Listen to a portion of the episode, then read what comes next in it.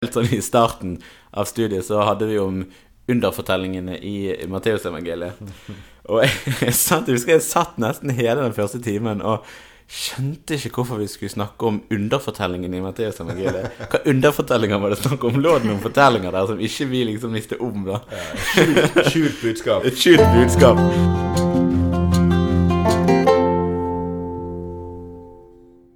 Hjertelig velkommen til Søndagspodden, søndagens tekst på en fredag. Mitt navn er Andreas Velsin. Jeg har med meg eh, som alltid Gire Cecilie Nygaard. Og så dagens eh, prest. Vekas prest. Leidulf Øy.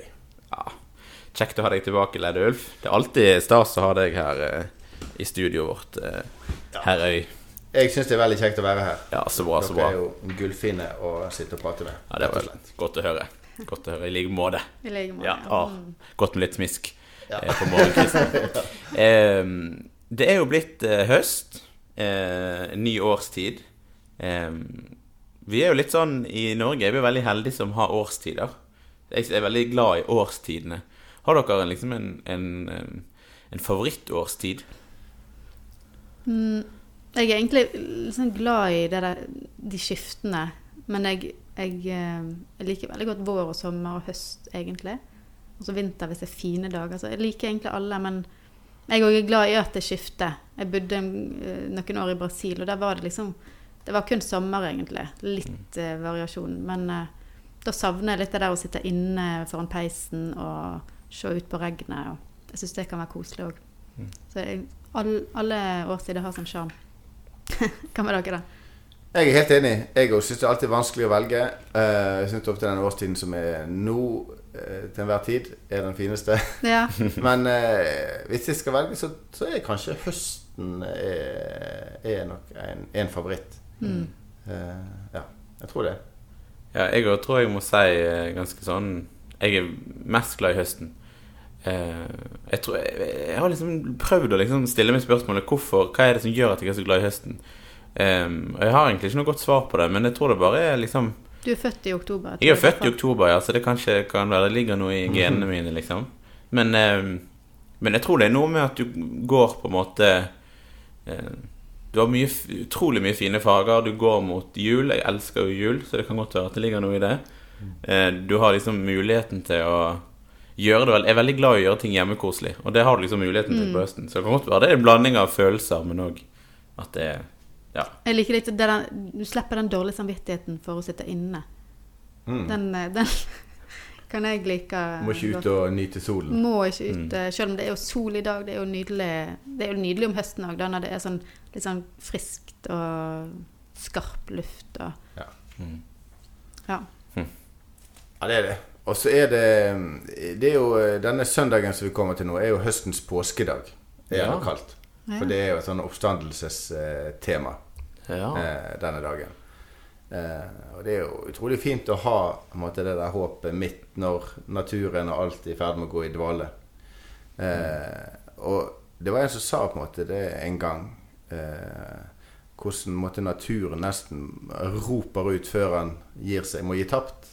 Eh, for da er jo lyset kan jo være helt fantastisk i noe av disse her eh, tidlige høstdagene og månedene. Mm. Fargene når de er på det sterkeste. Rett før det, det shutdown, Ja. eh, si. Ja. Eh, så det er akkurat som det roper ut. Vi, Ja. vi, vi må gi tapt nå, men eh, vi kommer tilbake. Mm. Eh, Livet er sterkest. Jeg har et, På Mjølfjell der var jeg hytte, så er det et tre nede i dalen som jeg pleier ofte å se når jeg kommer, kjører litt inn i dalen og skal på tur. Når alle andre blad har falt av, så å si, så er det, det er en tretype som jeg tror ofte bevarer de gule bladene ganske lenge. Og de blir sånn irrgule rett før de detter av. Og der er det øverst i det treet så er det sånn krone av gule blad, og så er det ingen blad rundt. Og noen ganger så faller lyset på det, men noen ganger er det bare skygge der. Men det treet er liksom så enormt kraftfullt. Det er nesten som jeg opplever det som en sånn fyrverkeri som står der midt i dalen når alt har uh, vendt tilbake til, eh, til dvalen. Eh, og det, da tenker jeg på det.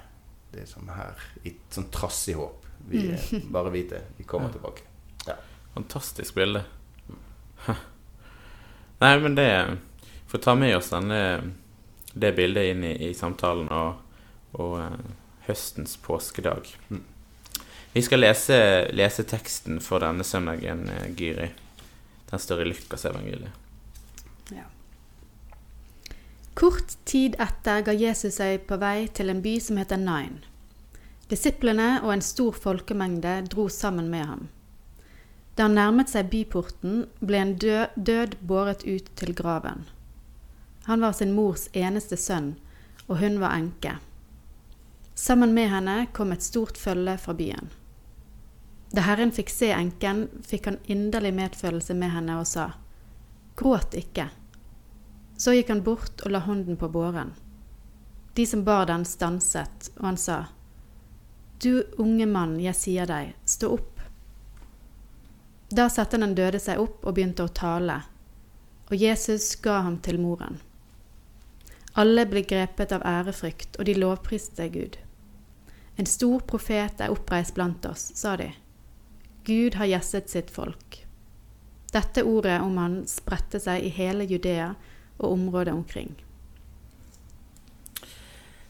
Her har vi jo da eh, atter en, en underfortelling, eh, som vi eh, ofte kaller det. Jeg må er bare en eh, liten digresjon før vi går inn i det. Jeg, studerer teologi, og helt sånn i starten av studiet så hadde vi om underfortellingene i, Matteusevangeliet.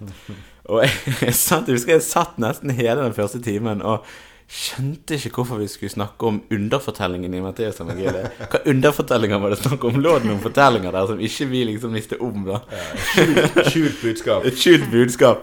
Men det er ikke det Kanskje det ligger noe skjult budskap i underfortellingen òg, ja, men, eh, men eh, også for oppklaring for podkastlytterne våre, så er det altså underfortellingene som Jesus gjorde under, og ikke noen fortellinger som ligger der som ikke vi, vi helt vet om. Eh, Men vi har jo disse I denne teksten så møter vi Gjør Jesus kanskje en av de største undrene som han gjør. Han gjør vel tre ganger. Vekker noen opp fra, fra døden. Um, og disse fortellingene der Jesus gjør under, har jeg ofte syntes har vært veldig vanskelig, fordi at en uh, I hvert fall jeg og sikkert mange andre har jo hatt erfaringer av at noen har, har dødd av ulike årsaker. Eh, og jeg husker spesielt når min farfar døde av, av kreft, så, så var jeg ganske periode ganske sint, for jeg syntes det var urettferdig at han skulle dø. Eh, og var ganske sint på Gud, husker jeg. Eh, og, og forsto kanskje ikke helt eh, heil, hele dybden. Hvorfor kunne han ikke bare gjøre han frisk? Jeg, så jeg har, jeg har virkelig kjent på at, at det er vanskelig å forstå Jesus gjør under her, og så har han òg gitt disiplene Står det at han har gitt disiplene på en måte evner og krefter til å kunne gjøre mye av det Jesus gjorde. Hvordan skal vi forholde oss til underfortellingene? Hvordan skal vi forholde oss til Kan vi liksom stole på at Jesus gjør sånne ting også i dag, da? Jeg også syns det der er egentlig veldig vanskelig, for altså, jeg har jo en far som døde i fjor òg. Jeg satt litt med mer følelsen at det, Litt mer resignasjon, da. At burde jeg egentlig bedt mer om at eh, han skulle, skulle ikke dø, da? Eh, og jeg, jeg ba nok helt sikkert om det òg, men forventningen var kanskje ikke så stor, da. Eh, så jeg satt ikke igjen med et sånt sinne egentlig om at det som skjedde, skjedde. Eller jeg syntes det var veldig leit og trist, selvfølgelig.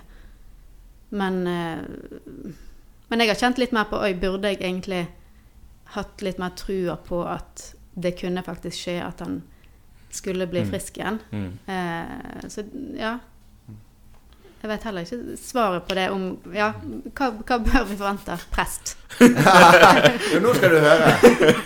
Hvis det er sånn, så kan du forvente det. det er jo, nei, eh, og- og det er, jo, det er jo så grunnleggende erfaringer, det dere forteller om. Altså, det, eh, denne opplevelsen av både sinne og urettferdighet og resignasjon sant, i møte med, med sorgen og tapet. Eh, og, og, kristne forholder seg jo litt ulikt måte, til forventningen til Gud i det. For det er jo det vi òg snakker om nå. Hva, hva forventning skal vi ha til Gud i dette livet her? Eh, og ja, og jeg, jeg tror ingen av oss måte, ser alt hvordan Gud virker og griper inn, så vi skal kanskje være litt forsiktige. Jeg er jo den jordnære lutherske teologen som eh, helst skulle sett at Jesus ikke gjorde under. Eh, at han bare kunne vært gått rundt og Og det hadde jo vært fantastisk hvis, kom, hvis det skjedde hele tida, da, men da blir Ja. det kanskje desto vanskeligere hvis han ikke gjør det akkurat til deg eller til eh, Ja, og det gjør han jo ikke. Nei, sant? Så det, jeg tenker vi må i hvert fall holde fast i at det er tydelig. Hvis det hadde vært Guds eh, plan for å gripe inn i vår verden nå, så er det jo enten vi som har gjort noe galt, eller så er det Gud som ikke bryr seg. Og da tenker jeg, da får vi jo fort et gudsbilde av, av en sånn opplevelse av hvorfor, hvorfor rammer dette meg, Gud? Spørsmålet. Eh, jeg synes jeg leste òg et intervju med Sunniva Gulva, som mista sin mann nå. Eh, og hun brøyt litt liksom gjennom den der tanken der, da, når hun sa at eh, det som vi vet, men som hun satte ord på at det onde er rundt oss hele tiden. Eller det vonde eh, og det onde. Eh, og nå rammer det oss.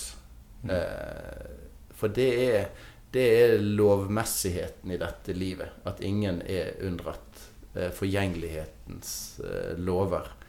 Og Jesus har ikke satt de til side. De som ble reist opp her, vekt opp fra de døde, levde fortsatt i forgjengeligheten. Eh, ble syke. Eh, en dag døde de. Mm. Så, så det er forventningen til, til en Gud som skal, eh, skal gripe inn og ordne opp, den tror jeg noen ganger er litt trøblete. Men så skal vi fortsatt snakke om en Gud som griper inn. Og må, med måten Gud gjør det på, kan vi kanskje Ja, det, det tror jeg vi skal snakke om. Og der tror ikke jeg noen av oss nødvendigvis har fasitsvaret. Men for meg så er det viktig at når Gud gjør helbredelser, tegn og under, så ikke det for å si at det er denne måten jeg virker i vår verden. Eh, bare dere gjør sånn og sånn. Men det er først og fremst tegn på noe større. På noe som gjelder alle mennesker. For det, hvorfor, hvorfor tror dere at nå, nå virker det nesten litt sånn tilfeldig at Jesus gjorde dette under akkurat nå? At han, han fikk eh, medfølelse med denne enka. Det var jo sikkert et veldig sånn trist oppsyn at de kom og bar en død ung mann ut av byporten. Og tror dere det var litt sånn tilfeldig at ja, nå bare gir jeg et under? Eller var det et, er det litt mer sånn litterært eh, frampeik på at eh, dette skal skje en gang Altså at folk, eller Jesus, da, skal stå opp igjen fra de døde. At, at det var litt mer symbolsk på en måte for oss som leser det etterpå. Eller skjønner dere hva jeg mener? Eller, Ja, jeg tenker absolutt at det er At det er et, et sånn Jesu måte Du har jo hele tiden denne retningen fram mot påsken. Eh, der Jesus tar det endelige oppgjøret med døden. Eh, og, og det er en måte mange av underfortellingene som måte handler om det. Hvem han er, og hva makt han har til å ta det oppgjøret. Eh, og jeg leser denne, disse fortellingene òg i lys av det. At det er et frampek på at det han skal gjøre. Det som er den virkelige oppstandelsen. Der han virkelig seirer over døden. Ja. Eh, og det er jo et eh, hvis, måte, hvis vi går litt inn i teksten, så er jo det et mektig bilde, da. Med to tog. For det er Jesus og folkemengden som kommer inn i byen. Og så er det sørgetoget som kommer ut av byen, og så møtes de. Eh, og det- og det, ja, nei, det er et utrolig sterkt bilde, for det er jo det som skjer i vår verden når vi tror på Jesus. Og Gud er kommet inn her. Så er det sånn som det er nå, så, så står liksom de, de kreftene litt sånn side om side eh, samtidig. Livets krefter i Jesus, dødens krefter i denne verden. Og så er budskapet gitt til alle. Og Det er det vi må huske når vi lurer på hvem, hvorfor det skjer med den og den. Dette er et budskap til alle. At eh, Jesus er sterkere enn døden. Og det som skjer i påske. Han seirer over døden for alle. Ja, det er jo disse, disse her eh, fortellingene der Jesus vekker opp døde, er jo eh, ofte veldig tydelig frampeik på den endelige oppstandelsen fra, død, fra døden som han, han sjøl gjør, da. Eller seirer over. Men du har dette eh, Vi skal gå litt videre i, i teksten, og så har vi jo dette ordet eh, der det står at eh, da Herren fikk se enken, fikk han inderlig medfølelse med henne. Det er jo et ord som eh, En skjønner kanskje at det ligger ganske mye mer bak enn en i det, den språkbruken vi kanskje bruker. Da. Jeg har hørt det flere ganger der liksom, altså inderlig medfølelse med noe. Eh, kanskje det blir litt overfladisk, da, men Det er litt sånn store ord. Ja, det er veldig, ja, det er veldig store ord, og så eh, får en kanskje ikke fram liksom hele det ordet, da, men Jesus bruker det jo og Det står ofte i Bibelen, da.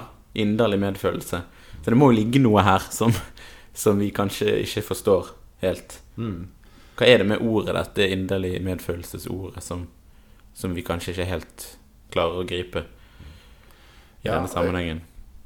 Ja, for det, jeg har forstått sånn at det er et veldig sånn kraft, kraftig uttrykk for, for medfølelse, sånn, som knyttes til noe guddommelig. Som er faktisk noe mm, går dypere enn den medfølelsen vi Jeg tenkte mer at det der at det er inderlighet, det gjorde det litt menneskelig, da. Ja. Men ja, men, men eh, Jo, men det, er- det er jo det òg. For han, måte, det er jo den identifiseringen med, med livet her. At Jesus sjøl mm, faktisk blir ramma av den sorgen. mm, At det er, og det tror jeg òg. Jeg er helt enig. Jeg tror det er den menneskelige siden som viser oss en Gud som, som er kommet så nær at han, han ikke hever over denne sorgen og dette tapet. Og eh, det hjelper oss ikke alltid, men det kan være en trøst i det å vite at Mm. Gud er ikke uberørt av vår sorg.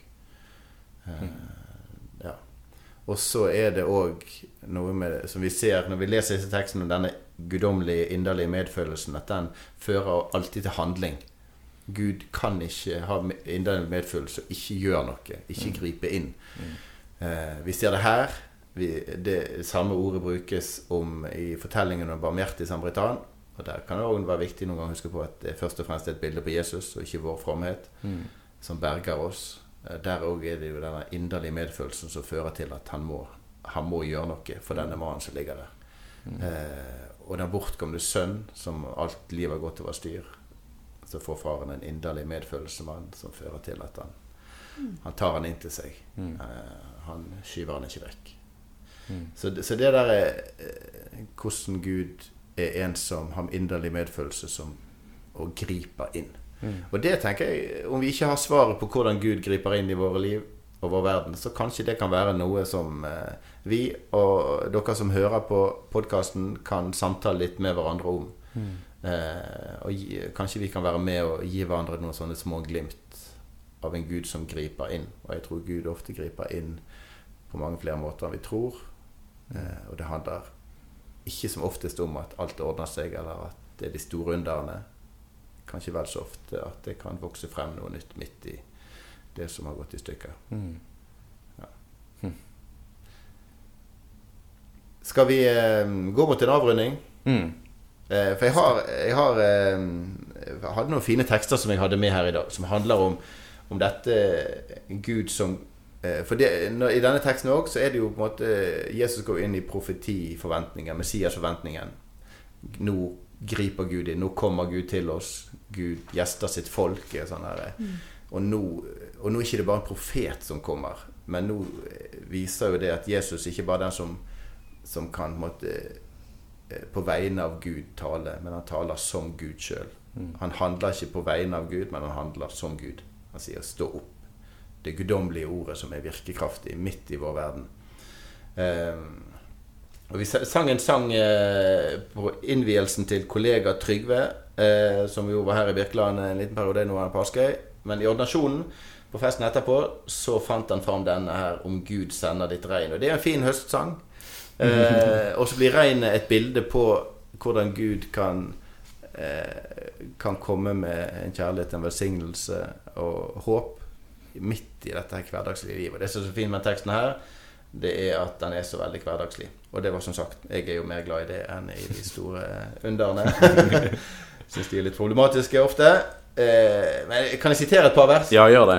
Gud, du sender ditt regn over hustak og gater, og småbarn som pludrer, og voksne som prater. Og noen som gråter, og noen som ler, og noen som elsker, og noen som ber. Men når det blir stille, kan vi høre. Et brus gjennom trærne, en vind fri og ny. Gud er midt i vår by. Et par vers til. Mm. Skal ikke tale. Den her kan dere eh, høre og synge.